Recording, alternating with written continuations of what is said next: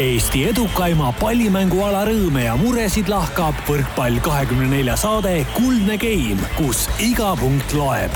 taustajõuna hoiab mängul hoogus ees Kredit kakskümmend neli suvi, tõtõrõtõtõ, sillerdav suvi, tõtõrõtõtõ. lõputult pikk on päev, kauaks nõnda nüüd jälle jääb. sedasi ütleme siis seekord tere tulemast kuulama taskuhäälingu saate Kuldne Game järjekordset osa.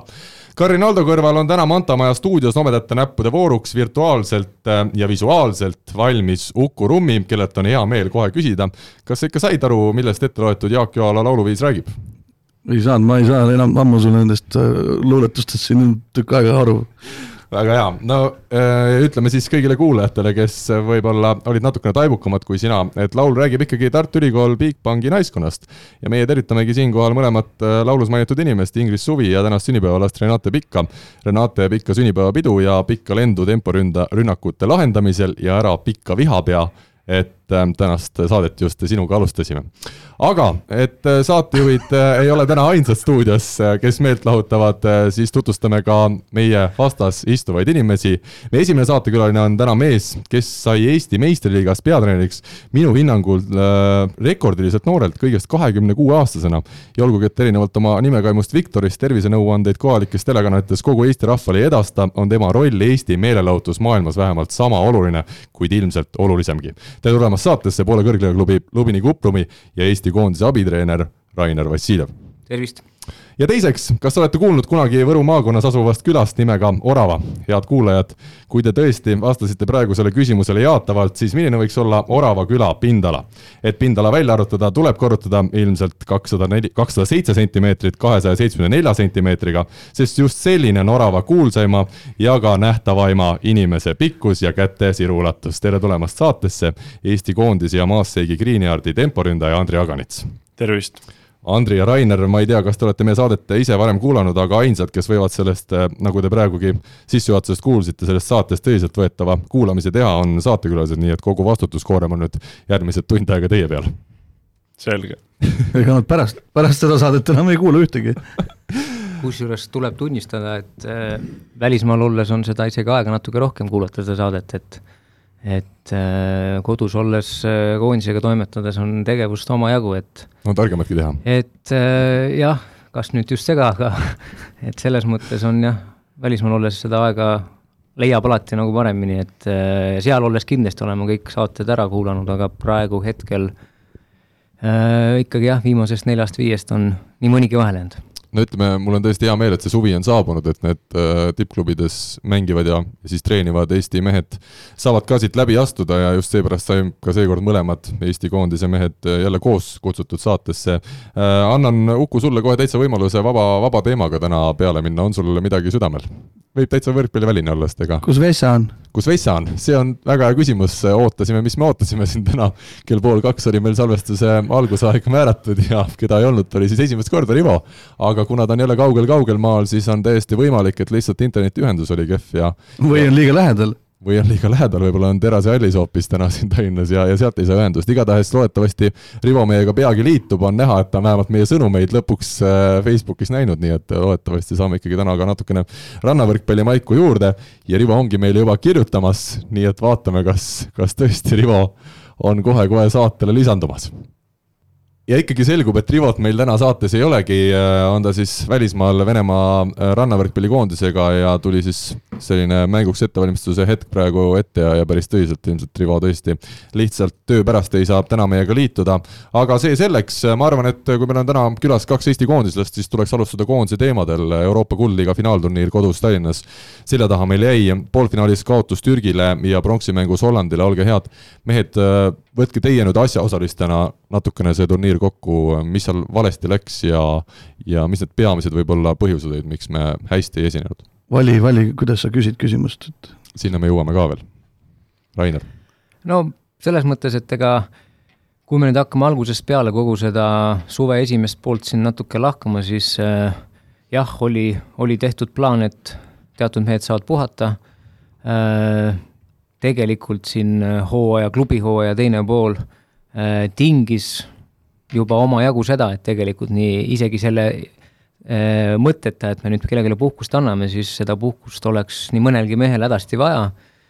Ja noh, eks see on ikkagi üks asi, mis, mis ilmselt sellele Final Fourile selle pitseri jättis, et et äh, ei olnud me sellel hetkel nüüd löögihoos, kus me tahtsime olla ja kus me oleksime võinud olla, et et paratamatult oli ikkagi seda, et natuke seda mängimatust, kokkumängimatust ja ja noh, see on nagu üks pool sellel, muidugi teine pool hakata vaatama siis ega ega ega siiamaani ongi meil ju aastast aastast see kogu aeg nagu suhteliselt hästi läinud, et isegi kui meil on olukord hästi kehv olnud, siis äh, teinekord natuke ka vastaste abiga, uus võimalus meile and-, äh, andes, äh, siis äh, noh, võtame aasta, aasta tagasi, kuidas Final Fouri mängisime, ise pidime väga-väga palju ümber korraldama üldse mehi rotatsioonis väljakul, nagu mäletame, Robert Täht jäi üldse haigeks enne turniiri ja tegelikult meiega ju kaasa ei lennanud, et et siiamaani me oleme ju kõik sellised augukesed võib-olla siis ära suutnud klappida ja ega midagi pole öelda, eks meil on ka õnne olnud et äh, paratamatult spordis äh, see asi käib äh, sinna juurde. Ja noh, toome siit kohe paralleeli selle, paralleeli selle õnnefaktoriga kas või poolfinaali esi, esimesse game'i, et veel lõpupunktides juhtisime, siis Subhashi läks servis, tegi kaks väga korralikku servi ja game oli läbi, et ega kui jällegi see, see hetk oleks läinud kuidagi teistmoodi, siis oleks võinud äh, oleks võinud hoopis äh, meil Andriga täna tööpäev olla ja me poleks siin saanud olla, oleks valmistunud Challenger turniiriks, et et no aga eks te olete Eesti rahva ära hellitanud ka ja kõik ajakirjanikud kõik kokku, et kõik on liiga ära harjunud sellega. kui me vaatame seda, et meil oli poolfinaal Türgiga, kes on, eks ole, siin mõned, mingid aastad tagasi alles Euroopa meistrivõistlustel väga hästi mänginud, kus mängivad tänasel päeval ikkagi väga tugevad mängijad eesotsas Adis Lagumziga, kes võib-olla paari aasta pärast on üldse maailma üks tugevamaid diagonaalründajaid. et siis meil oli ikkagi nii-öelda rahvana ootus, et ohoh, et me võiks Türgit ikkagi võita, et me võiks olla justkui favoriid, aga tegelikult kui me vaatame, kui tugev meeskond, Euroopa tippmeeskond meil seal vastas oli, siis üks meeskond tahes-tahtmata pidi selle mängu lõpuks ju kaotama.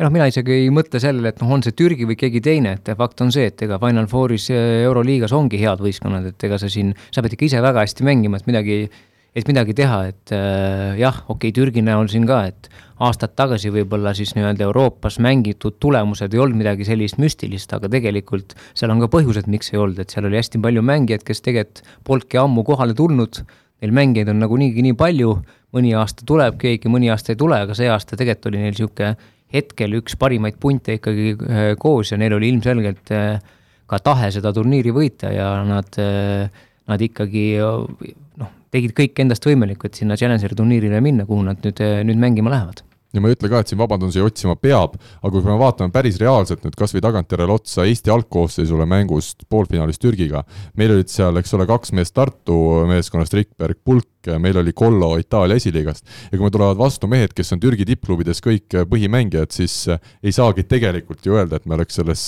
paaris suured-suured favoriidid pidanud olema.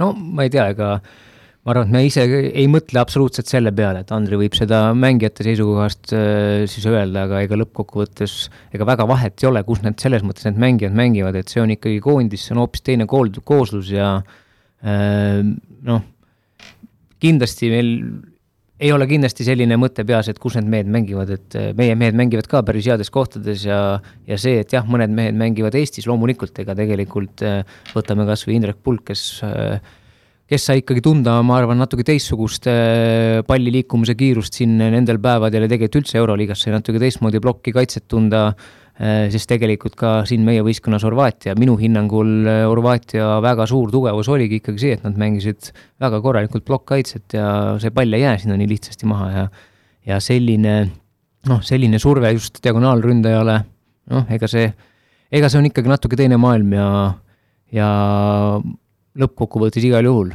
nagu on ka välja öeldud äh, teistes kanalites ja et ikkagi Indreku esitusega oleme meie väga rahul ja nii-öelda siis positiivselt meeldivalt üllatunud. Andri, kui me vaatasime mängijate emotsioone pärast poolfinaali ja pärast pronksi mängu, siis äh, mehed olid ikkagi päris pettunud, milline see olukord seal riietusruumis oli, on, on sellist äh, nii-öelda emotsioone olnud, olnud varem ka siin viimastel aastatel, kui sina koondises oled olnud ehm,? Kõigepealt ma hakkaks kuskilt algusest peale selle eelmise teemaga, et äh, tegelikult olid me, me oleme hästi palju näinud ja tundnud nii-öelda selle võistkonnaga, aga selles suhtes me olime jälle sel suvel millegi, ükskord nagu uues olukorras, et esimest korda oli tegelikult meile nii-öelda mingid tasuta mängud.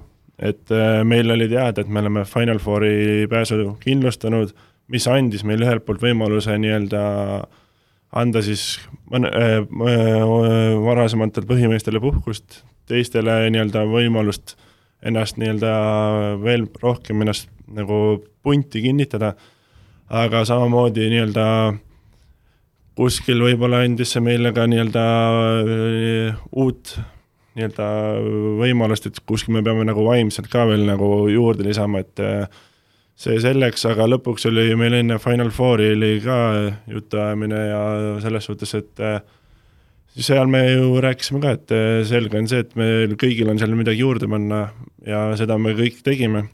lõpuks oligi äh, napilt jäi, jäi puudu, aga see nii-öelda, mina ütlen, et äh, see pettumus oli väga suur, et see sunnitud suvepuhkus hakkas nagu liiga vara, aga positiivse poole pealt võib-olla on see millekski hea, et, et meil oli päris palju selliseid äh, pisiasju, et äh, mis oleks võinud veel minna suur, suuremaks, et et jah, et äh, ma arvan, et me oleme jälle kõvasti kogemuse võrra rikkam, aga jah, selge on see, et see kõik, kogu see suur üritus, mis siin oli organiseeritud, et kõik väga ootasid seda, ma ise ootasin ka juba, kui ma nägin hooaja keskel, et see selline üritus tuleb Tallinnasse, et see oli mul endal ka suur eesmärk, et ma tahan äh, saada nii-öelda mängukõlbulikuks ja mängida, et äh, lõpuks see õnnestus, aga jah, tulemus ei ole nii-öelda kuskilt otsast nagu vastuvõetav, et äh, et selge on see, et me peame nii-öelda tulevikus neid, oskame neid vigu vältida. Andrus Raadik ütles siin pärast seda teist mängu, et äh, mis teda nagu kõige rohkem häiris, oli see, et meeskonna sees hakati üksteist süüdistama. et äh, kas sel, see on nüüd mingi asi, millega hakatakse siin äh, lähiajal ka tegelema või on see asjade loomulik käik, kui mäng ei toimi, ükskõik millise võistkonnaga on tegu? ma arvan, et seal ei olnud mingit väga sellist mingi meeskonna sees mingit nii-öelda käärimist, et pigem ongi see, et igaüks peab nii-öelda oma vastutama oma selle rolli eest, mis tal on seal võistkonnas ja ma ei tea, samamoodi me ütleme, ma ei tea, trennis mingeid asju välja, et selle, seal ei ole mingit küsimust, et keegi ei süüdista, keegi, ütleme nii, et keegi ei nõua kelleltki midagi seda, mida nad ei suuda teha. et äh, jah. Rain, oled nõus? no loomulikult, et äh, selge see, et kui on noh, asjad ei lähe hästi, siis ongi keeruline, siis on keeruline igas mõttes, et siis on keeruline äh, seal väljakul üksteisega olla, siis on keeruline seal pingi peal mõelda, mis edasi saab, et noh, see ja, ja kui tuleme nüüd selle juurde tagasi, et jah, et ega meil väga palju pole niimoodi väga mööda läinud äh, need üritused, mis me oleme siin viimaste aastate jooksul äh, teinud, siis äh, ega oligi jälle üks olukord, millega harjuda, et kuidas siis hakkama saada, kui asjad võib-olla ei suju nii hästi. ja, ja, ja noh, ma olen nõus Andriga, et ega ega need ütlemised ja asjad, igas võistkonnas on neid ütlemisi, et ega see, see on täiesti loomulik osa, aga nüüd ongi küsimus, et et välja, väljakul on sul nii või naa lisapinged, millega sa pead tegelema, et kas siis see ütlemine seal väljakul toimub või mitte, eks see on nüüd see koht, et mida kindlasti tulevikus meil oleks äh, parem siis organiseerida, korraldada natuke teistmoodi, et me pigem siis ütleme trennis rohkem kui väljakul Indrek Pulk oli üks siis jah, nagu te ka mainisite juba sellistest meeldivatest üllatustest, aastaid on küsitud, kuidas Indrek saaks hakkama rahvusvahelisel tasemel, nüüd me seda siis nägime vähemalt siin ühe-kahe ja ütleme, Euroopa kuldliiga alagrupi turniiril veel mõne mängu osas. mida täna nüüd öelda, ühtpidi, eks ole, enda kohta tegi Indrek väga head mängud, teine küsimus on see, et äh, kui kaugele ja kõrgele tema tiivad võiksid kanda siis ütleme välismaal, Rainer, sina oled äh, välismaa võrkpalli ka juba päris palju näinud, on temast, on temast sellist äh, mängumeest ka tugevamates liigades? no selge on see, et nüüd siin suvel ka sel teemal natuke rääkides, mis edasi ja nii edasi, Indrek tahab proovida ja ma usun, et talle see võimalus ka tuleb ja ja ega siis ongi kõik nii-öelda enda kätes, et jah, jällegi, et seal võib olla erinevaid äh, erinevaid äh, situatsioone, seal võib nii palju erine-, muutujaid olla, mis võib-olla ei soodusta midagi, mingil hetkel jällegi võib asi nii väga hästi klappida, võib see, need sammud hoopis lihtsamalt kulgeda. et ma loodan ja ma usun, et ta selle võimaluse saab ja siis on ega tal kõik enda teha, kuidas tal, kuidas tal see väliskarjäär jooksma hakkab ja kui kauaks ta välismaal jääb, et võib-olla selles mõttes lihtsalt kahju, et ta oleks võinud natuke varem seda teha, et oleks saanud ise seda pikemalt nautida, sest et ega noh, noh, Andri ütleb siin omast käest, mina võin seda treenerina öelda, et ega noh, see ikkagi on natuke teistmoodi maailm, üks asi on see mänguline pool, see on nagu üks teema, aga teine teema on ikkagi minna kuhugi täiesti võõrasse keskkonda, hakata äh, siis ennast nii-öelda ka tegelikult ju klubi silmis kehtestama, äh, seda, seda kuvandit sinust äh, uuesti äh, välja joonistama ja siis tegelikult ka seda, ega, ega võrkpalliringkond on piisavalt väike, et see kuvand levib päris kiiresti ja selles mõttes, et kui suudad endast normaalselt jälje maha jätta, siis küllap vähemalt on eeldused, et see välismaal mängimise aeg on, on ka pikem ja mündi teine külg nüüd, milleni ma ka tahtsin jõuda, on see, et mida Indrek ka ise on öelnud ja mis võib-olla ka finaalturniiril oli natuke näha, et et kui me võrdlesime teda kas või Adis Lagumziga, kes seal kohati lõi üle Eesti ploki palli maha, siis ütleme, Indrekul ikkagi rahvusvahelisel tasemel sellist kõrgust ei ole ja ta ka on ise seda öelnud, et Rene Teppan ja Oliver Venno on ikkagi tänasel päeval täiesti veel järgmisel tasemel mehed ja minu arust sellest jäigi meil sellel finaalturniiril võib-olla kõige rohkem puudu, et, et meil puudus see Venno või Teppani tasemel diagonaalründaja no selles mõttes, et selge see, et jah, Indrekul on omad äh, gabariidid, ütleme siis nii, aga ega siis seda mängu annab ka üles ehitada vastavalt nendele gabariitidele äh, viidates, et äh, on ka maailmas teisi diagonaale, kes ei ole nii pikad, mängitakse konkreetsemalt teatud palle siis diagonaalne, teatud palle lähevad siis nurgaründajale, pigem on see kooslus, et ma arvan, et Indreku jaoks on ülioluline, millised on nurgaründajad väljakul, et et seega see kokkuvõttes see kooslus peab toimima, et ega, ega muud ei olegi hispaanlastel oli ka ju, minu arust ei olnud väga pikk see diagonaalründaja. nojah, ega siin näiteid on küll ja küll, et ega me oleme isegi tundnud siin äh, paar suve tagasi äh, Belgia koondise kiire vasakkäsi, kes on tõesti meeter üheksakümmend natuke peale, aga temaga mängitakse hoopis, hoopis teist võrkpalli ja ja pigem on need, need nii-öelda küsimused, mida peab lahendama, see on just sinna treenerite pingile, et kuidas seda mängu siis äh, parasjagu jaotada. aga et mängida niisuguse Belgia lühikese diagonaaliga, kas saan ma õigesti aru, selleks peab servi vastuvõtt olema hiilgavalt käes?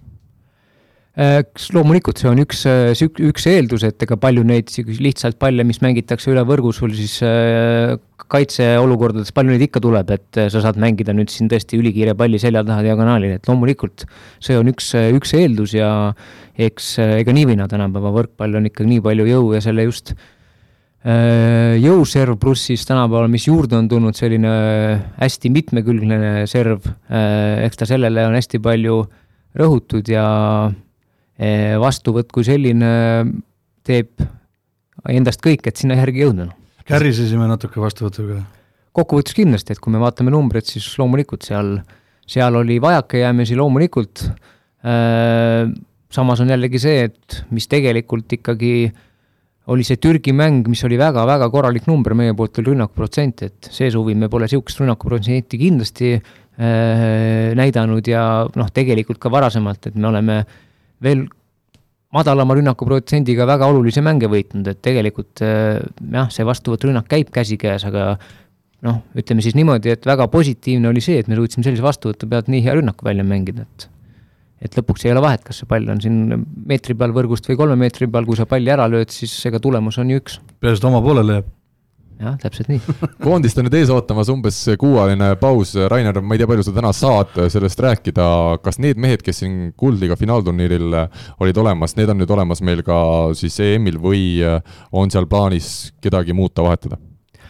Äh, natuke vara sel teemal äh, siin välja midagi hõisata, et äh, on alles siin võetud see turniir äh, isekeskis kokku ja eks need, need äh, jutud ja need äh, nimed hakkavad natuke hiljem tulema, aga jah, loomulikult me oma plaane teeme ja ja aga hetkel pole see aeg, mis, mis, kus saaks praegu seda välja öelda, jah.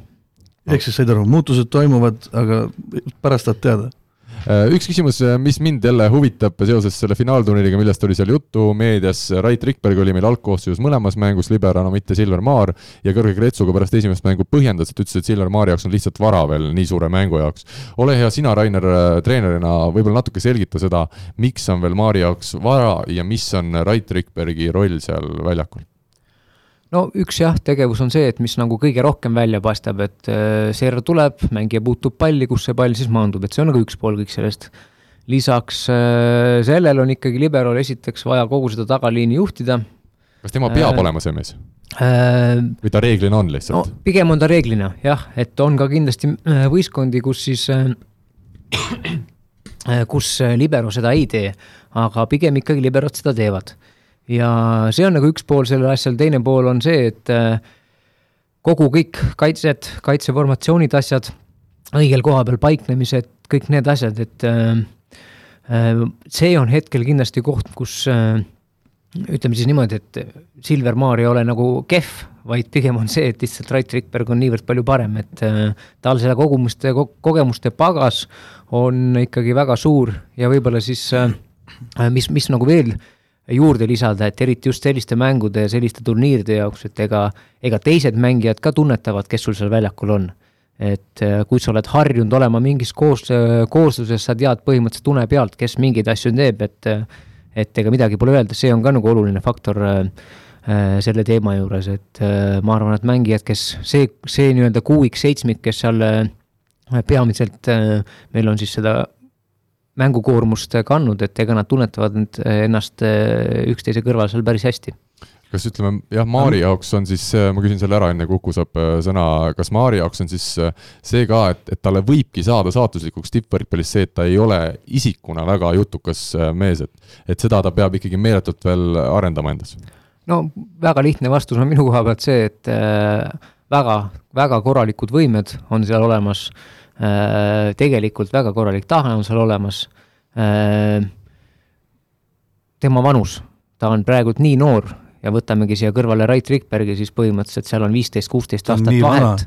Äh, seda, seda mängukogemust ja seda olekut, et äh, nõustun selle lausega, et küll tule, tuleb see õige aeg, et äh, iga asi omal ajal. ja nüüd tuleb ka õige aeg, kui saab Uku aga, aga et see aeg kiiremini tuleks, kas oleks see, et, et kohe kiiresti välismaale? Äh,. nii-öelda poiss. no ma võin tuua jalad üles vette ja kohe nii-öelda, et peab hakkama saama seal keeled suhu ja Euroopasse, noh. võin tuua nagu väga niisuguse, hästi lühine, lühike vastus küsimusele on jah. Äh, võin tuua ka väga niisuguse omapoolse siis väite, miks on see jah, ehk siis äh, midagi pole öelda, ma nüüd saan muidugi Poola, Poola liiga näitel seda tuua, et see serv, mis on ikkagi seal ja mis on siin, aga ega küsimus ei olegi, et Eestis Balti liigas ei ole mängijaid, kes suudavad kõvasti lüüa, kes suudavad sama planeerivat palli kiiresti Tartul on see servi kahul. lendu panna, et see on nagu üks pool, aga teine asi on see, mis on ikkagi väga oluline faktor, on see, et teatud hetkel hak-, sa pead olema valmis kõigeks.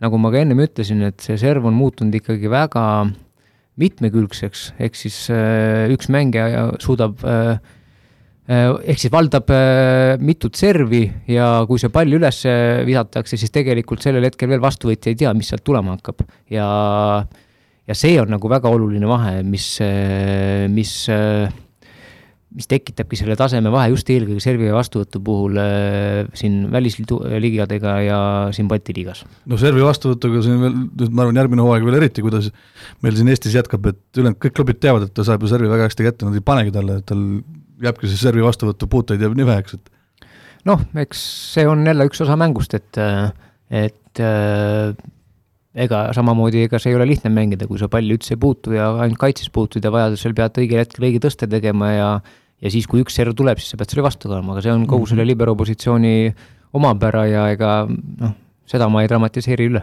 aga ma ei tea, noh, sina oled kursis, ei ole kursis, on tal mingisuguseid variante? isegi kui variandid on, siis Pärnul ma saan aru, et leping kehtib ja ega nad vist kergelt teda minema ei lase? ei, ma tean ainult nii palju seda, et tööd äh, selle nimel tehakse, et ta äh, omale välisklubi leiaks. mis see lõpplahendus on, ega eks seda näitab aeg Andri vist nõustub siin, vahepeal käis jutt vastuvõtust, sa ei saanud enam mitte midagi aru, mis, kas räägite üldse võrkpallist enam palju sina, Andri, oma elust vastuvõtuga oled te tegelenud? no eks see ainult presidendi vastuvõtul vist? ei ole käinud, seal ka mitte aga noh, tempo ründajavusel vastuvõtul on pigem selline lühikene serv on, ütleme nii, et teatud meestele, meeste ees, kelle, kelle eest sa nii-öelda pead võtma, et näiteks ma ei tea, Robert Tähest sa ei pea väga seal palju võtma, et äh, ta jõuab sinna alla, et aga näiteks noh, ma ei tea, põhiline, põhiline vastuvõtt, mis meil on, on see, et kui läbi trossi tuleb pall, et sinna me peame reageerima, aga ülejäänud väga ei ole, et äh, aga jah, muidu pigem ei ole üldse. lihtsalt üllatusteks peab valmis olema võin kohe vahele öelda, et tegelikult Andrei harjutab iga trenn vastuvõttu, kui on vastuvõtutrenn, sest see lühike serv, sinna tuleb, võib-olla tuleb üks pall mängus, võib-olla ei tule üldse, aga selleks peab valmis olema ja see võib väga oluline punkt olla, et kui sa game'i kaotad kakskümmend viis, kakskümmend kolm, siis pole väga vahet, kes selle vastuvõttu vea, vea tegi, kas tegi seda Ta- Tam- Tammemaa, Tammemaa harjutab ka või? kõik harjutavad.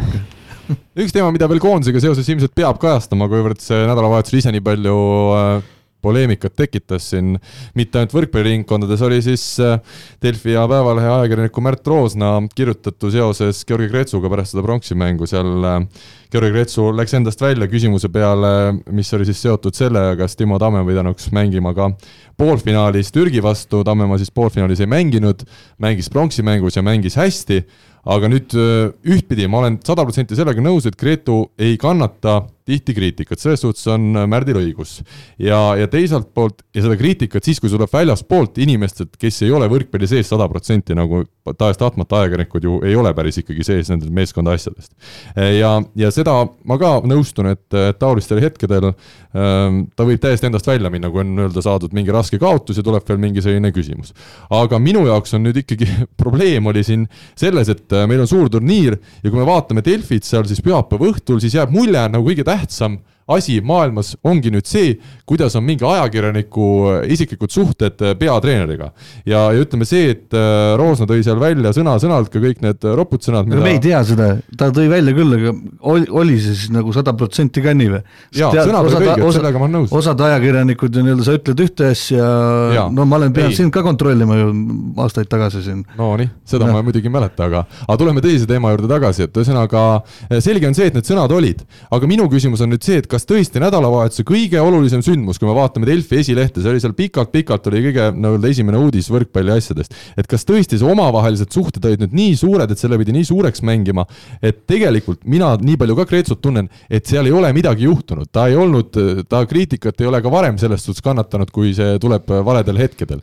ja kokkuvõttes tema on ikkagi peatreener, tema vastutab, kui talle see kriitika ei meeldi, ta ütleb selle välja, aga, aga kokkuvõttes ainus asi, mis loeb spordi puhul, on ju tulemus.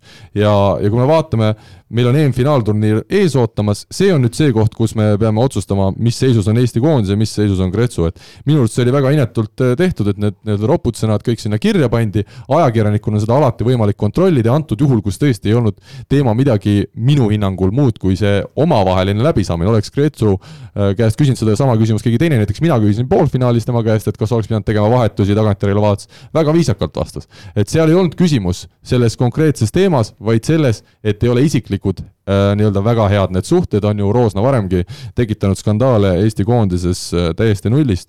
Ja minu arvates see oli nagu väga inetu tegu just ka selles suhtes, et väga paljudel inimestel tekkis nüüd arusaam, et Kretsu on inimene, kes on ülbe ja, ja sõimab kõiki, et ei, see ei ole Nagu ja sa see tead, ei ole muutunud vahepealsetel aastatel, jah, müüb klikk, klikk ja, klikk, ja skandaal, jah. no aga nüüd vaata, nüüd me ei saa enam ühtegi klikki pärast seda, meil Delfis läheb üles see. just, just, et, et selline, selline omavaheline siis jah, jagelus, ma ei tea, palju seda koondise sees näha oli või oli, oli Kreetsu ise veel ka pärast riietusruumis äh, pahane sõimas, sõimas Roosnat edasi. või pigem ta rääkis siis juba mängust ilmselt, ma eeldan.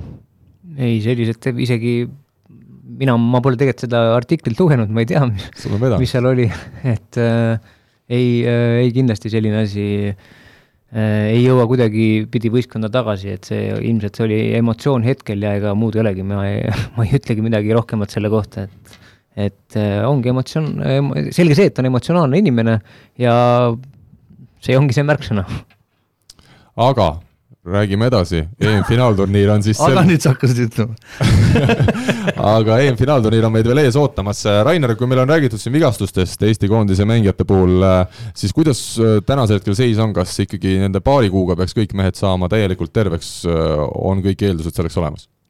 No me üritame teha kõik, et nii oleks, et äh, mis me muud siin öelda saame, Et et mingi- see on ju puhas ikkagi ennustamine, kui me siin mingeid veksleid praegu välja jagame, et loomulikult äh, üritame, üritame kõik äh,, kindlasti peavad mehe ise ja mehed ise väga äh, seda üritama, tahtma ja toimetama iseendaga ja äh, ütleme niimoodi, et kindlasti aega on, et need asjad nüüd korda saada, et äh, et äh, võtame, võtame samm-samm, samm-sammult ja ja ilmselgelt on meil ikkagi kõiki mehe, mehi tervena vaja, sest et äh, turniiri formaat hoopis teine võrreldes varasemaga äh,. mänge palju, mängud järjest äh,, kokkuvõttes ikkagi on ta väga karm turniir ja, ja kõige sellega me peame hakkama saama.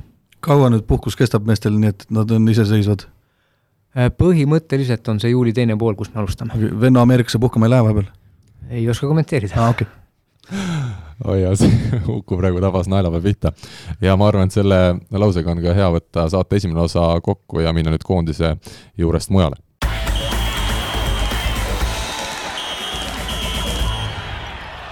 isiklikus plaanis Rainer ja Andri siis äh, jätsid äh, selja taha hooaja vastavalt Poolas ja Belgias, alustame Andrist. Äh, sinul see õlavigastus rikkus sisuliselt terve hooaja ära, aga kas ütleme selleks koondise perioodiks sa lõpuks ikkagi leidsid päris, päris oma sellise parima vormi üles või? jaa, et sellist hooaega polegi olnud, et varasemalt on olnud sellised aastad, et et kui on võetud nii-öelda võistkond, isegi ma täitsa alguses läksin, et võeti nii-öelda võitlema teine ja kolmas, et siis ma olen nagu põhimõtteliselt kõik mängud ikkagi mänginud, väga väheseid mänge on vahele jäänud, aga see aasta jäi siis põhimõtteliselt terve hooaeg vahele, et iga aasta tekkis juba esimese kahe nädala jooksul seal treeningmängul, et põhimõtteliselt noh, ma olingi seal terve, olin kaks nädalat, et et ülejäänud aeg oli juba seal päris pikalt, lihtsalt oli selline kerge proovimine, et ja klubi üritas, et saada ilma, ilma opita hakkama, aga ei tulnud välja, et eh, selles suhtes, aga nüüd füüsiliselt ma tunnen ennast täitsa, täitsa vormis ja ja jah, selge on see, et natukene kuskil peas ja ja õlas on natukene ikkagi veel, annab tunda, et ei käi see käsi veel nii vabalt, aga kindlasti on see kõik, äh, on nii-öelda positiivset rada mööda ja ja nii-öelda ka selle medi-, medical, äh, meditsiinistaffiga siin praegu koondises suheldes, et äh, pigem ongi see hea, et kui see progress on selline äh, nii-öelda vaikselt ja niisugust loogilist rada mööda minev, et kui oleks jube kiiresti korras, siis oleks see risk palju suurem, et see, see vigastus võib tulla tagasi üks asi on mõnes mõttes veel nii-öelda ka positiivne teises suhtes, mängida ei saanud, aga ülikooli said teha ju rahulikult. Sain. said jah? nii, räägi lähemalt. minu jaoks oli see täielik üllatus, tuleb klubi juhataja Rait Käbin, et kuule, et mingi võrkpallur välismaal mängib, et et mingi Stipi, Stipi avalduse saatis, et ma ütlesin, mis asja, kes see? Belgias vist mängib või? ma ütlesin, Tamme, ei ole siis tuli, et ahah, Aganits on meil siin, ja, jah, Aganits, jah. nii et salaja, tegelik siis see vigastuse põhjus tuli välja siit praegu, et oli vaja ülikool äh, sisse astuda või lõpetada, kumba pidi see siis käis? pigem äh, lihtsalt suvel äh, täiesti juhuslikult äh, nii-öelda, mitte juhuslikult, aga nii-öelda võtsin selle otsuse vastu, et äh, proovin. eelmine suvi siis? jah, ja, ja on, ma ütlen, et see oli kõige positiivsem, positiivsem asi, mis ma üldse nii-öelda otsuse tegin, et vaadates sellele eelmisele hooajale, et mul oli vähemalt mingi väljund, kuhu ma sain oma mõtted ja energia suunata, et sul on kõik tehtud? nii-öelda esimese aa, ma mõtlesin, et juba ühe aastaga tegi kolme aasta asjad ära. aga mismoodi see sul välja nägi? ja mida sa õpid? käisid sa kaugõppes teed mm -hmm.? okei okay.. mida sa õpid? ettevõtlust ja elamusmajandust. nii, ja Uku küsimusele, mis see küsimus oli? No et kuidas sa nagu siis seal tegid neti teel või käisid kohapeal? korra jõudsin kohale, jah. korra jõudsid kohale ka või? no rohkem kui, rohkem kui Sander Steinberg, kes meil kunagi mängis ja, ja oli ka kooli nimekirjas. jah, ei selles suhtes äh, tuleb äh, tänada kõiki õppejõude ja asju, et on väga vastutulelikud ja äh, põhimõtteliselt ikkagi kõige suurem ja olulisem asi, mis on ikkagi ülikooli puhul, on see, ma arvan, et peaasi, et sul endal huvi on ja noh, see on kõige tähtsam, et kui ise, ise tahad, siis on ju, see ülikool on ju iseõppimine ju puhtalt kogu aeg olnud. kuulake nüüd kõik noored, noh. et kui sa Uku praegu või seda Raidult kuulsid seda infot, et Andri teil õpib, siis ma saan aru, hakkasid kohe Maassegi Greenyardiga hakkasite läbirääkimisi pidama, et ei hakanud, ma mõtlesin, mis mõttes, et mul ei ole endalgi raha, ta tahab mu käest hakata mingit stippi saama veel väga hästi. kui me sellest hooajast veel räägime paari sõnaga, Massey Greenyard ikkagi Euroopa tippklubi, mängib meistrite liigas, kuivõrd eriline hooaeg see selles suhtes sinu jaoks oli, et organisatoorse poole pealt ja klubi poole pealt tuli midagi uut ja huvitavat ka?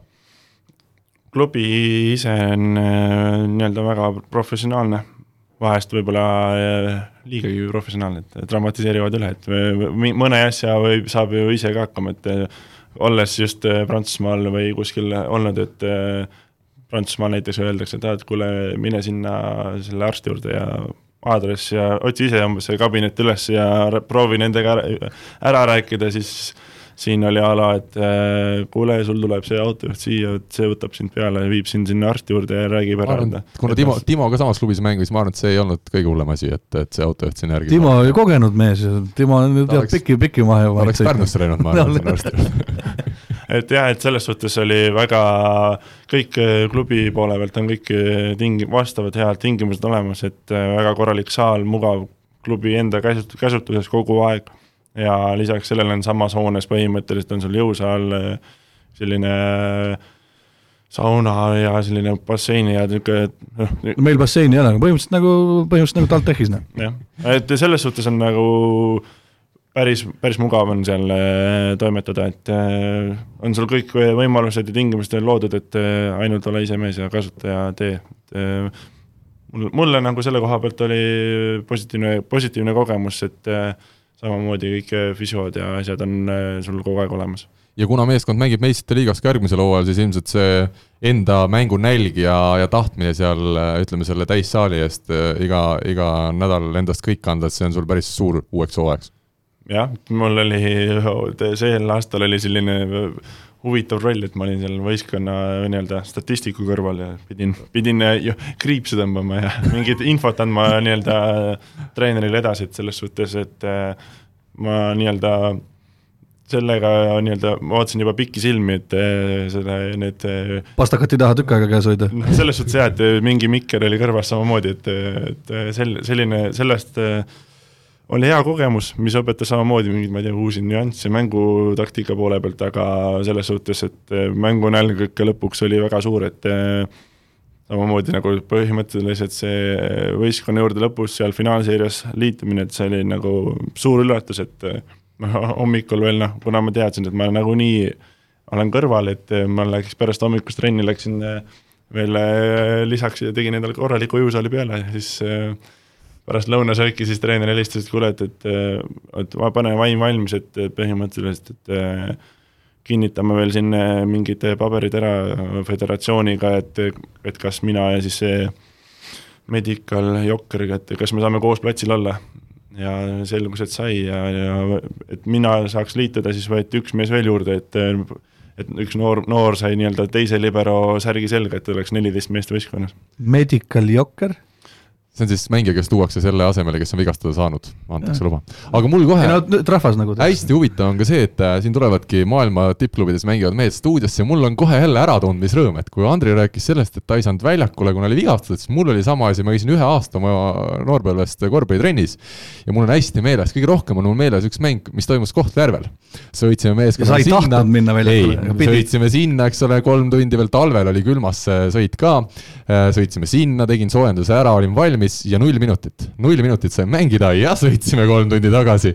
ja minul jäigi see viimaseks hooajaks korvpallis, et, et see oli ka üks äh, tore, tore meenutus. esimeseks ja viimaseks. jah, esimeseks ja viimaseks ja olidki, minul tihti olidki korvpallurina siis kõige nii-öelda väsitavamad olid need soojendused. E, enne mängu poolel, see oli nagu see aeg, kui mina oma korvid ära tegin ja, ja siis jäigi ja, ja Andril on näpp püsti, siin on. aga tegelikult on nagu väga keeruline on see nii-öelda kastis seismine ka, et see on nagu hoopis teine, teist, sa oled veel rohkem väsinud, ma ütleks, kui sa mängid ära selle kolm või noh, kolm kuni viis game'i, et see kõhulihasse, kõhulihasse, kõhulihasse me saame pingi peal võtta istuda terve see aeg. ei nojah, see korvpallis on õnneks see eelis, et noh, võrkpallis peab, peab seisma. ei, sa ei pea, sa võid istuda pingi peal, kui sa tahad. aga treener ei lase istuda sul seal peab valmis olema. jah väga hea. Kui veel sellest Maastrichtist rääkida, ei ole just tavaline, et meistrite liigas kolm eestlast samal hooajal mängivad, Keit Pupart ja Timo Tammemaa siis sinuga koos. ei, üks eestlane ja kaks saarlast. jah, väga hea täpsustus. kuidas see omavaheline värk teil oli, oli kodune tunne mängida Maastrichtis? jaa, võib-olla, et äh, selles suhtes oli meil päris tore Eesti, Eesti punt koos, et minul ja Timol olid tüdrukud ka kaasas ja selles suhtes me nädalas korra või niimoodi tegime ikkagi pärast mängu võib-olla niisuguse väikse sellise õhtusöögi või asja, et selles suhtes oli väga selline mugav ja tore rütm, et ja siis oligi Keit sõna otseses mõttes viies ratasvankri all seal. Jah, et et eh, no õnneks eh, meie, me lasime ikkagi oma seltskonnas, lasime tal, ta põllule ka Rainerist oleks pidanud praegu pilti tegema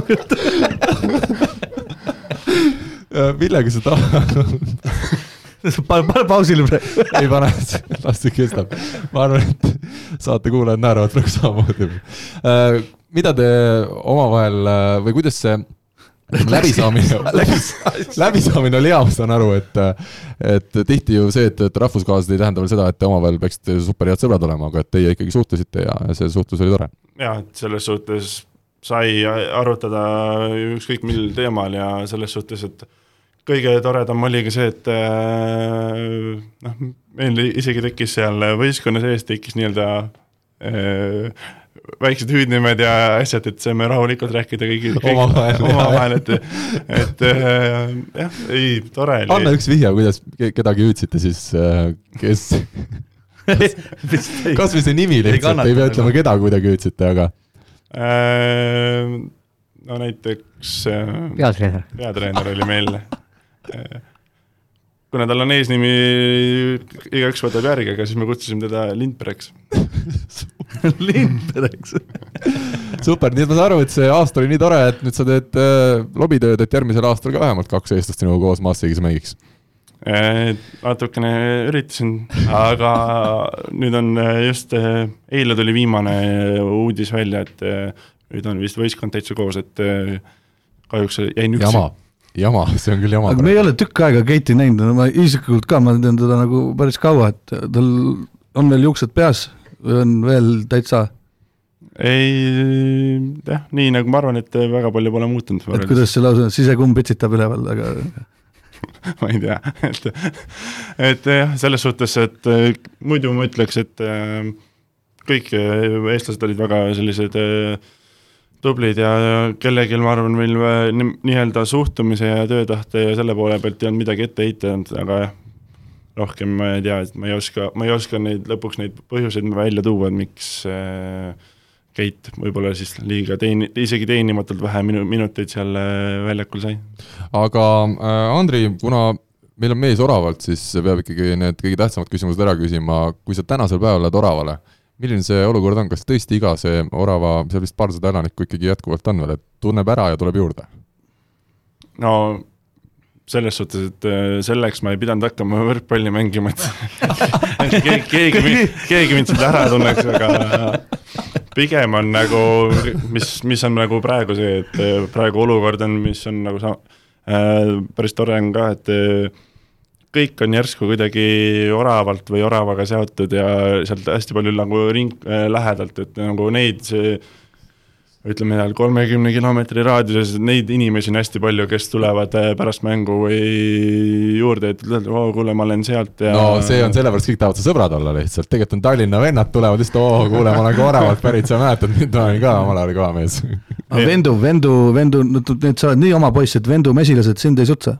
Ei, ei, selles mõttes, nad, need, selle, selles suhtes see mesi on äh, nii-öelda omast käest võtta, et Vendu varustab aga tuleme nüüd Raineri juurde, sinul jäi siis äh, esimene hooaeg poole kõrgklubis Lubini Kuprumis. oota, ennem kui sa tuled, sa ütlesid, tead, kes Vendu on? jaa, Reiner okay tervitame Vendut. tervitame, isegi mina tean, järelikult on ikkagi mingi kuulsusastme ületanud. nii, aga Rainer, äh, Poola kõrgklubis Lubini Kuprumis siis hooaeg abitreenerina, milline see oli, ma saan aru, et sa jäid kokkuvõttes vist päris rahule? Jah, ega kokkuvõttes väga lihtsalt kokku võtta oli põnev, et äh, äh, liiga väga korralik äh,, uus ja huvitav, pluss siis ikkagi tase, linn väga ilus. tase, noh, ikkagi polegi midagi tasemest rääkida, et see on ikkagi maailma tipp. linn ei ole midagi viga, sest et olgem ausad, mis, mis on nii-öelda treeneri jaoks oluline, treen-, treeneri jaoks on oluline, et oleks hea saal, on okei okay elamine ja ja edasi ongi mängijad, et ega rohkem polegi väga vahet, et selles mõttes äh, igati tipp-topp, väga hea kogemus äh,, kindlasti sain väga palju uut juurde äh,, sest et nii-öelda siis minu ülemus oli ju täitsa hoopis teisest, teisest äh, maailmajaost ja äh, kindlasti ka teistmoodi arusaama, arusaamisega võrkpallist äh,. Marcelo Frankovjak on vist see õige nimi või? jah, et äh, noh, mis oli muidugi huvitav, et ega siin see, mida ta mulle ise ütles seal ka hooaja sees nii mõnigi kord, et ega tegelikult, et ta on minult ka väga palju juurde saanud, et selles mõttes äh, äh, just seda võib-olla seda noh, Euroopale iseloomu, iseloomul-, iseloomulikku võrkpalli äh, sain siis mina ka mingil määral talle tutvustada ja et selles mõttes see kombinatsioon oli päris huvitav ja ma arvan, et ma arvan, et me täiendasime üksteist. jätkad seal klubis? Selles mõttes nad ootavad mind sinna tagasi sada protsenti ma pole nüüd midagi veel äh, otsustanud, aga pigem, äh, pigem olen sinna minemas äh, ja, ja pigem on meie koostöö jätkumas, jah. aga peatreener jääb samaks? ja, ja et seal oligi. koostöö jätkumas. ehk siis jah, see oli nagu temapoolne üks, üks oluline teema, et ta tahtis kindlasti, et ka mina jätkaks seal. Mirko Fasini? Hetkel Jätkab. ei oska kommenteerida täpselt, mis Mirko, mis Mirkot ees ootab, aga eks Saaremaale? ei tea, et selles mõttes äh, ma arvan, et väga kaua ootama ei pea seda, seda uudist et läheb Saaremaale. aga eelmisel aastal Gert Toobal mängis äh, siis sinu võistkonnas, kas uueks hooajaks on, on äh, olnud mingeid läbirääkimisi kellegi eestlasega veel? Gert siis teatavasti ei jätka seal. Flubini võistkond peaks olema nüüd niisugune, võib-olla üks koht on seal veel nii-öelda lahendamata, aga mul on järgmine aasta vaba. aga on, äh, on komplekteeritud ja tegelikult äh, ma mäletan, et sinnasama oli üks, üks saade oli siin, kus te rääkisite üldse siin meeskonna komplekteerimiseks ja kui vara ja millal võiks see alga-, algata al,, äh, millal see võiks üldse peale hakata ja kuidas mujal maailmas nii käib ja ütleme niimoodi, et tegelikult siin on ikka väga viisakas see asi ja ja minuga pole keegi ühendust võtnud väga... siiamaani. Sest me oleme kõik viisakad. võib-olla sa pead mänedžeri vahetama, et võib-olla. Mul on Uku praegu.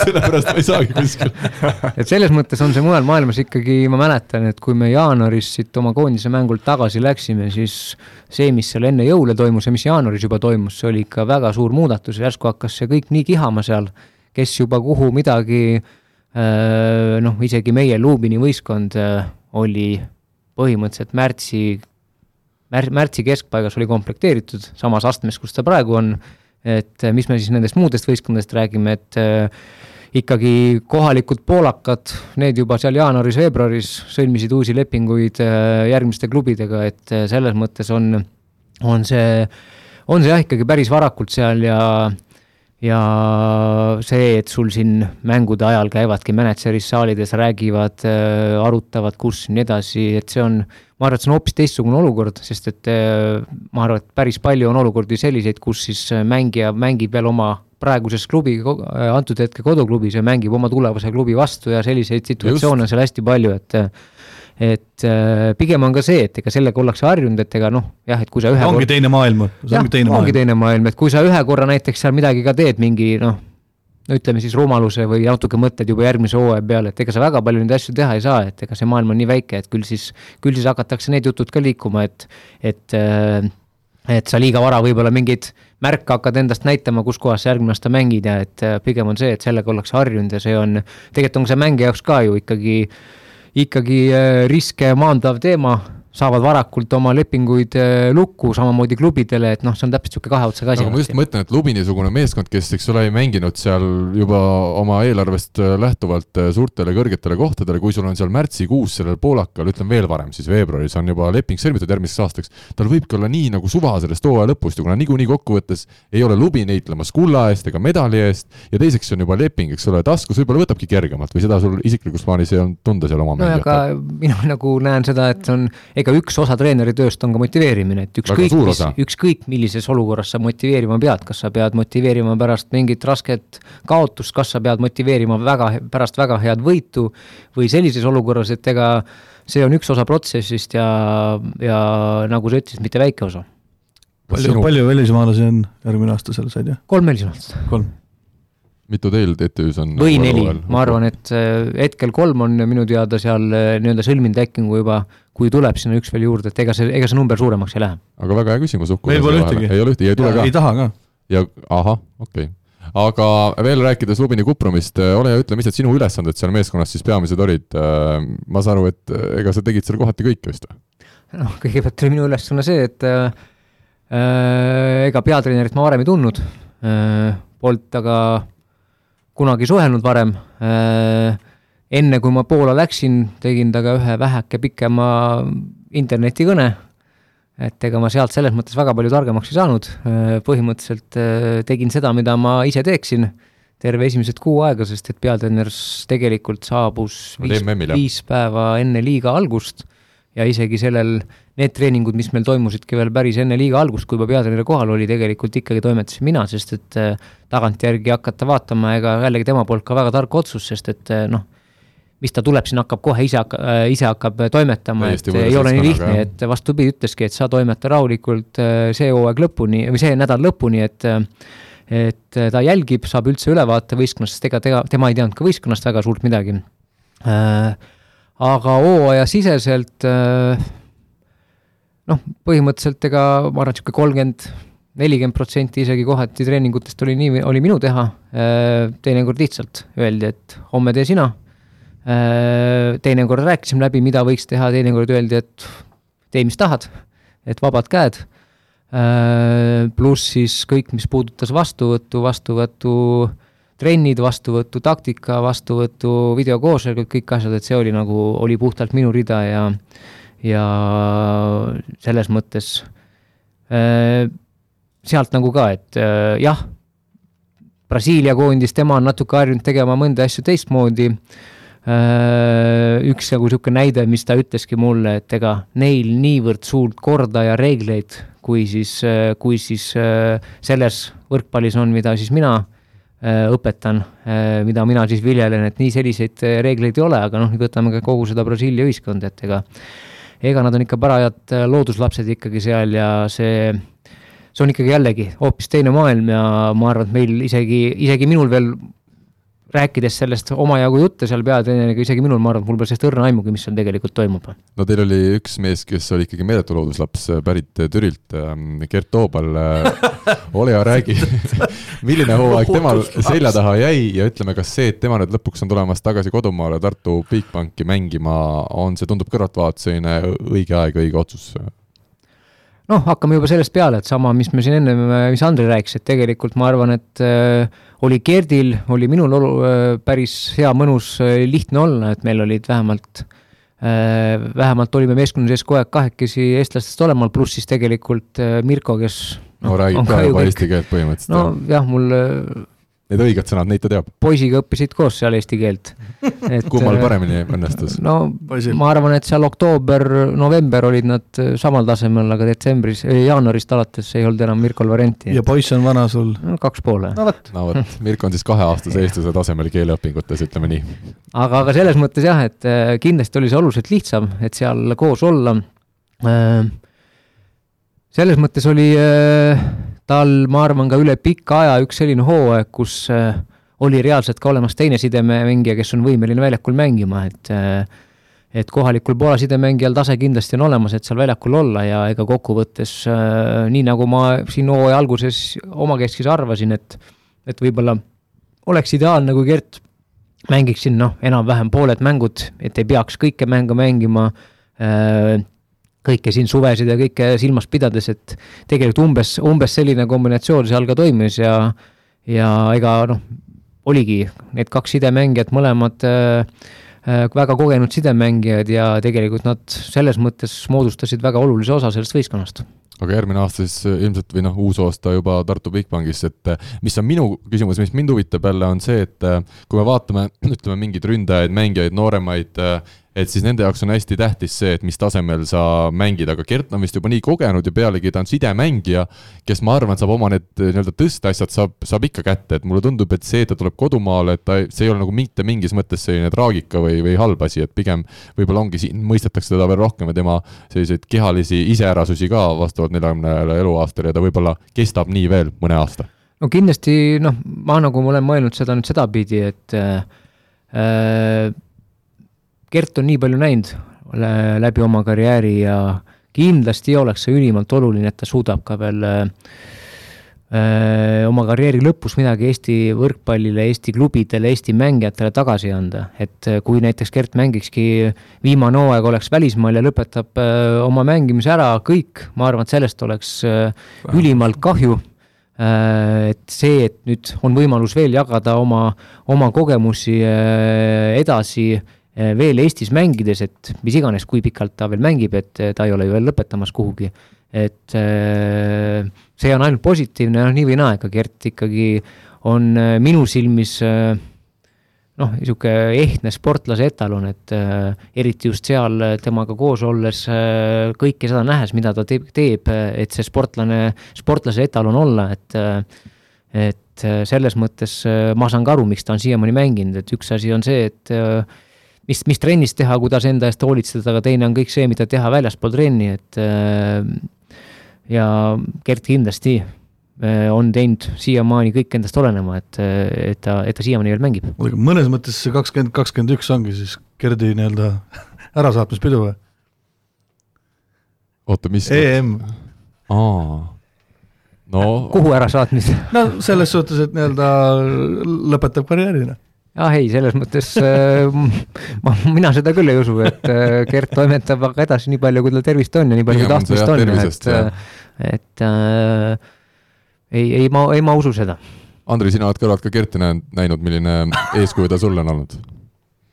no ma arvan, et väga lähedalt näinud ikkagi, temporündaja näeb õige lähemalt seda sidemängijat. ei jah, eks ta ongi aga mitte liiga lähedalt samas ma arvan, meile kõik... Andrile meeldib vahet ka mängida, siis kaugemal, hoian, hoian distantsi nii. aga ma arvan jah, et äh, see, et ta on koondise kapten, on äh, igati põhjendatud ja see, et äh, nagu just Rainer rääkiski, et ta ongi selline musternäidis, et et selle, et ka mulle meeldib hästi, kuidas ta nii-öelda, nii-öelda ka väljaspool võrkpalli, kuidas tal see ellu suhtumine on, et et just, just seda poolt ma arvan, et on, on ka tema, tema pealt hästi hea ja kasulik õppida. seda on meeldiv kuulata, meie aga läheme küsimusmängu juurde. võrkpall kahekümne nelja küsimusmängu toetab Sportland eelmise nädala küsimus oli siis lihtsamast lihtsam, kes valiti eelmisel aastal Euroopa kuldliiga parimaks nurgaründajaks ja õige vastus ma arvan, et meie saatekülalised ilmselt teavad seda nime, Rainer ja Andri. Svaronak pigem üks, üks, üks pikk äh, nurgaründaja. jah, õige vastus oli siis Oliver Venno, kes üldiselt on mängimas ka koondises diagonaalründajana, aga mullu siis tegutses nurgas ja just seepärast me seda ka küsisime, et ei olnud kõige tavalisem äh, koht ja, ja siis tõesti, kui öeldakse esimene nurgaründaja, siis selle all mõeldaksegi parimat nurgaründajat, siin mõni vastaja ka vastas meile kaks nime, aga alati see, kes on esimene nurgaründaja sümboolses valikus, see on see nii-öelda kõige parem. aga meil oli kakskümmend üks õiget vastajat. Andri, sa oled, sa oled numbrite peale, ma kuulsin, osav Äh, osav mees, ole hea, ütle üks number ühest kahekümne üheni. ma ütlen ühe ja Rainer ütleb äkki ühe. jaa, nii. sobib, sest et äh, Oliveri mängusärk koondises on üksteist. ja Martin Seetur, number üksteist ja Eesti koondise ametlik mängusärk läheb siis äh, temale. ja enne veel, kui me järgmise nädala küsimuse ette loeme, siis ütleme nii, et meil ei tule mitte ainult vastuseid võrkpalli, võrkpalli kakskümmend neli siis Facebooki lehe sõnumitesse. Ja loen siis ette ühe armsa kuulaja kirja. Hei, vist olid sina malevakaaslane tuhat üheksasada kaheksakümmend neli, ajasid juttu noormehega ja mina tulin rannast, Sveta olen. Et Rivo oli siis äh, paariaastane, see ainus variant, mida ma oskan välja mõelda, Rivo oli siis nelja-aastane, et mina, minu sünnini oli kaheksa aastat äh, tol hetkel veel aega jäänud ja malemas ma enda teada ka käinud ei ole, et äh, mul oli kaheksakümmend neli väljalase ühesõnaga tervitame Svetat, väga armas kiri, aga seda mina ei julgegi öelda, et see mina olin see malevakaaslane, kuigi väga oleks tahtnud olla. ja uue nädala küsimus on siis järgmine. Andri ja Rainer, meie tänased saatekülalised, on äh, küll mängija ja treenerina väga palju koos saavutanud ja koos mänginud, aga ühe suurturniiri jutumärkides on nad võitnud ka Miks koos mängijatena. no see, kas jutumärkis või mitte, see on võib-olla iga inimese enda sinu jaoks on muidugi kõik asjad Uku maailmas rahvusvahelised, aga küsimuse sõnaga mängijatega on nad koos võitnud ühe turniiri ja väga lihtne küsimus, mis turniiriga on tegu? ja ma arvan, et äh, anname kõigile jälle võimaluse, info et võrkpalli24.ee või võrkpalli24.ee Facebookile ja sõnumid on nüüd, on siis need kohad, kuhu vastuseid saab saata ja et särki võita, selleks tuleb siis õiged vastused saata. meie aga läheme järgmise teema juurde. Pahv lööb pahviks ehk nädala tegija koostöös ennustusportaal Pahviga otsisime siis Facebookis taas nädala tegijat võrkpalligrupis ja hakkame altpoolt tulema. kolmas koht Eesti meister Rannavalle koondis kuue häälega ja neist kaks sealt tulid Ukult ja Rivolt, nii et, nii et kolmkümmend kolm protsenti soovid Uku põhjendada. mida ma siin põhjendama pean? no et miks hääl sinna et? miks, et mi, miks, miks mina ja Rivo, just, aga miks mitte? aga miks? No sa said järgmisse ringi, õige. olnud teel olümpiale. ja räägime siis sellest ka hästi lühik-, lühidalt, Eesti koondis äh, Taani järel äh, ning äh, kes meil seal oli, seal oli meil äh, ma ütlesin Taani on ju, Taani järel ja Horvaatia Albaania ees, teine koht ja olümpiamängude kvalifikatsiooniturniiri siis teise ringi pääsesime. mida, mida kokkuvõtteks öelda, Rainer, sina oled ka rannavõrkpallitreenerina oma karjääri kunagi vist alustanud, et et ei olnud kõige lihtsam turniir, aga kõige tähtsamad mängud vist alles järgmise aasta maikuus ees ootamas sellel turniiril. Noh, kõige olulisem on äh, selle juures kindlasti see, et äh, ollakse mängus, et äh, saadi sealt voorust edasi ja eks, eks tulebki võtta ilmselt seal turniir turniiri haaval ja, ja järjest neid mängus püsimusi võimalikult kaua hoida ja eks siis ole näha, mis tulevik toob. Nii et tervitame Dima Danila paari ja siis Kusti Nõlvakut, Mart Tiisaart ja soovime neile edu siis suve teiseks pooleks, kui tähtsaid mänge on veel ees ootamas. nagu teame, siis Euroopa meistrivõistlused ka rannavalles on meie, meie jaoks taas aset leidmas, Nõlvak ja Tiisar sinna sel aastal pääsesid. no Pirital nad on ka see nädalavahetus, ma saan jaa, Pirital on üldse, kui hea ilm, on, on tihti paljud inimesed nädalavahetusel, aga sel nädalavahetusel siis on see Eesti karikavõistluste et, etapp toimumas ja meie esipaar samuti kohal. Aga teine koht, samal ajal kui mehed siin itsit-, itsitavad sedasi, et mikrofoni ei ole kuulda, Hindrek Pulk, seitsekümmend kaks häält, kaheksateist punkti siis tõi poolfinaalis äh, Türgi vastu ja kolmekümne viiest tõstest realiseeris minu arust kas kuusteist, üks äss, üks plokipunkt, pulgast me oleme rääkinud, tubli mäng ja soovime jaksu tulevikuks, loodetavasti õnnestub siis välisklubist üks korralik leping teenida. Ja esimene koht nüüd võiksid kõlada äh, kõvad äh, helid, Eesti Võrkpalliliit siis Euroopa meistrivõistluste finaalturniiri korraldusõiguse eest äh, sai sada üksteist häält. nii et kolmandat korda juba sisuliselt selle saate ajaloos me oleme Võrkpalliliitu sama asja eest siin kiitnud. tervitame Robin Ristmäed selle uudise juures, ta on väga õnnelik selle üle. ja Rivo on kindlasti sama õnnelik, et see nüüd see Eesti Võrkpalliliit jälle valituks sai, hea, et meil Rivot täna täna, täna saates ei ole. aga mis me siis kokkuvõttes ütleme, mängijatele, treeneritele ilmselt mega, mega suur asi ei, ega eks ühel sportlasel ja treeneril palju suuremaid asju vist ei, ei saa ju karjääris olla, kui suurturniiril mängida kodupubliku ees. ei kindlasti, et äh, üks asi on selle poolel just see, et nagu sa ütlesid, mängijad ja treenerid ja see, mis nagu välja paistab, aga tegelikult äh, kas või see Final Four, mis siin sai toimu-, mis nüüd toimus, et äh, siin Uku, Uku tegi siin nalja, et tervitas Robin Ristmäed, aga tegelikult see on ikkagi ropp töö, mida alaliit äh, mitte ainult Robin Ristmäe, vaid kõik, kõik inimesed, kes seal oma panuse annavad, et see on, see on äärmiselt oluline väga suur töö ja tegelikult äh, ilmselt see on ka nüüd see koht, kus ega noh, see ei paista välja, tihtipeale sellest väga ei räägita, aga, aga ma arvan, et terve koondis, kõik hindavad seda väga ja ma usun ka, et äh, mis see, mis see fännidele saaks parem olla, kui selline turniir tuleb koju kätte. ja jah, see on suur ettevõtmine, suur kohustus aga ikkagi äh, Eesti Võrkpalliliit, üldse Eesti kogukond kui selline on äh, ikkagi teeninud päris palju, päris palju usalduskrediiti siin läbi nende aastate kõiki neid üritusi korraldades, väiksemaid, suuremaid turniire. Ja kui siin minuni jõudis selline info, et CEF-i kuskil siis, oli ta siis mingi suve alguse ümarlaud jutu, jututuba, kus siis räägitigi, et kuidas Euroliigat võiks korraldada ja mida võiks teha ja siis öeldi, et näete, et te peate nii tegema nagu Eesti ja Soome, et seal on publik saalis ja seal, seal see on atraktiivne sport nende rahvuste jaoks ja ja ega see on ju parim tunnustus, mis saab olla, et äh, kindlasti see ei ole ühe aasta tulemus, see on niisugune järjepidev töö ja on need siis noorteturniirid, täiskasvanute turniirid, naiste, meeste, ega kõik need asjad kokku, samamoodi siin tegelikult ka ranna, rannaturniirid siia juurde panna, et äh, kindlasti on Alarit väga head tööd teinud. Ja seda, kusjuures tegin intervjuusi nädalavahetusel ka CEF-i presidendiga, serblasega, kes siis äh, ütles sedasama asja jah, et äh, et Eesti ja Soome on eeskujuks kogu Euroopale, et me oleme ainsad riigid, kus täna on ka ütleme, finaalturniiridel publik mitme tuhande pealine lausa maksimaalselt äh, siis välismaal kohal, et mitte ainult ei ole kodusaalis, kui to to toimub turniir, vaid tõesti, nagu me teame, Eesti koondise poolehoidjad on ka sel aastal sarnaselt siis Poola EM-ile minemas seekord nüüd siis Hollandisse meeletul arvul, et see, Andri, annab ilmselt meeletut jõudu veel juurde, et, et suurturniirideks valmistuda. kindlasti, et äh, see, mis melu Poolas oli, et äh, okei okay,, esimene mäng oli meil Eesti-Soome, et seal oli veel ka nagu põhimõtteliselt saalitäis rahvast ja ja muidugi serblaste ees ainult nagu oma, oma Eesti publiku ees mängida oli nagu tõeline kodusaal, et eh, meil on väga tublid fännid ja ka selle, selle ühelt poolt on hea kodus mängida finaalturniiri, aga samamoodi on nagu nii-öelda super nagu meie fännidele ka, et eh, seekord nad ei pea kaugele tulema, et saavad, eh, ma ei tea, Tallinnast tulla ja ja tükk maad odavamalt seda võrkpallipidu nautida. kaks tuhat kakskümmend üks äh, augustikuu, ma saan aru, on see aeg ja Eesti, Soome, Tšehhi, Saksamaa on finaalturniiri korraldamas, nagu aru saan, siis Eesti ja Soome korraldavad alagrupi turniiri, Tšehhi korraldab lisaks ka veerandfinaali ja Saksamaa siis korraldab algusest lõpuni alagrupi turniirid kuni medalimängudeni välja. selline on see info, Rainer, julged sa midagi veel lisada?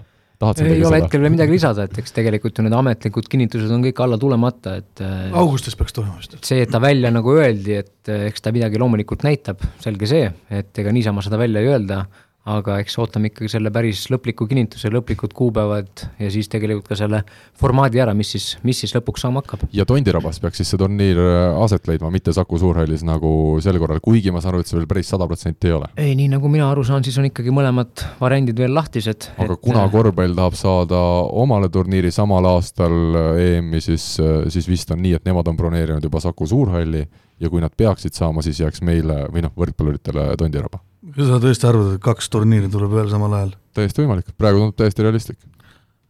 ma ei tea. no ja kui ei saa, eks ole, siis Rabahall on alati, alati olemas. no me võime ka Riiga minna, et mul on siin hea, hea näide siinsamast, kui me mängisime oma Läti, Läti vastu oma esimese mängu, siis tegelikult oli ju eestlasi rohkem saalis kui lätlasi ja seal siis mängu, mängule eelnevalt siis kohalik Läti kohtunik, kes siis äh, oli siis nii-öelda reservkohtunikuna tegutsemas, siis tuli mulle juurde vaikselt, küsis, et et miks mul on tunne, et me Tallinnas mängime, et kas me oleme Tallinnas või oleme Riias, et kus me oleme? nojah, meil ongi sellised poolehoidjad, et ükskõik, kus sa kokkuvõttes mängid, jääb mulje, nagu mängiks kodusaalis mm. -hmm nii et äh, ma arvan, et tänasele saatele on aeg vaikselt joon alla tõmmata, kui Jukul veel mingeid äh, lisateemasid ei, ei ole. aitab küll praegu. aitab küll, juba väsinud, kuigi täna ei teinud saadet. ei ole, ei ole, ma ei ütelnud midagi. aga Uku, me ei teinud täna hommikul saadet, kuidas ma... oli? väga mõnus. väga mõnus. hoopis te-, tead, hoopis teine tunne on. hoopis teine tunne. saad sõna sekka öelda ja saad aru, mis teema käib ja. no kuidagi ikka nagu noh, ikka sa oled sees nagu. oled sees. kuulad ilusti muidugi mõnda asja ei taha kuulda, mis sa ütled, aga las ta olla. jaa, hästi, no siis on jälle tunded vastastikused. aga Kuldse Game'i tulevikuplaane on täna veel natukene vara öelda, meil on kõikide toetajatega äh, nii-öelda lepingud või koostöödiilid äh, juuni lõpuni ja täna on siis meie juuni viimane saade. selge on see, et me jätkame, aga täpselt millal, kuidas ja kellega, see on veel natukene lahtine ja kui kellelgi kuulajatest on soovi liituda meie toetajate ja koostööpartnerite tiimiga, siis andke julgelt märku, äh, huvi oleks kindlasti mõlemapoolne. ja samuti ootame jätkuvalt tagasisidet saate sisu kohta ja täna siis ütleme kõigile aitäh kuulamast, aitäh, Andri ja Rainer saates olemast. Uku, kahju, et jälle uksest sisse pääsesid. eriline aitäh muidugi Svetale ja tervitame Rivo ka, kes siis täna üldse saatesse ei jõudnud, aga Rivo vabandab ennast välja, kui äh, venelased mängivad järgmisel turniiril hästi, ma arvan see ei ole mingi vabandus. ilusat päeva jätku! Kuulmiseni! nägemist! nägemist! Eesti kõige põnevamad podcastid on Delfis, kuula tasku.delfi.ee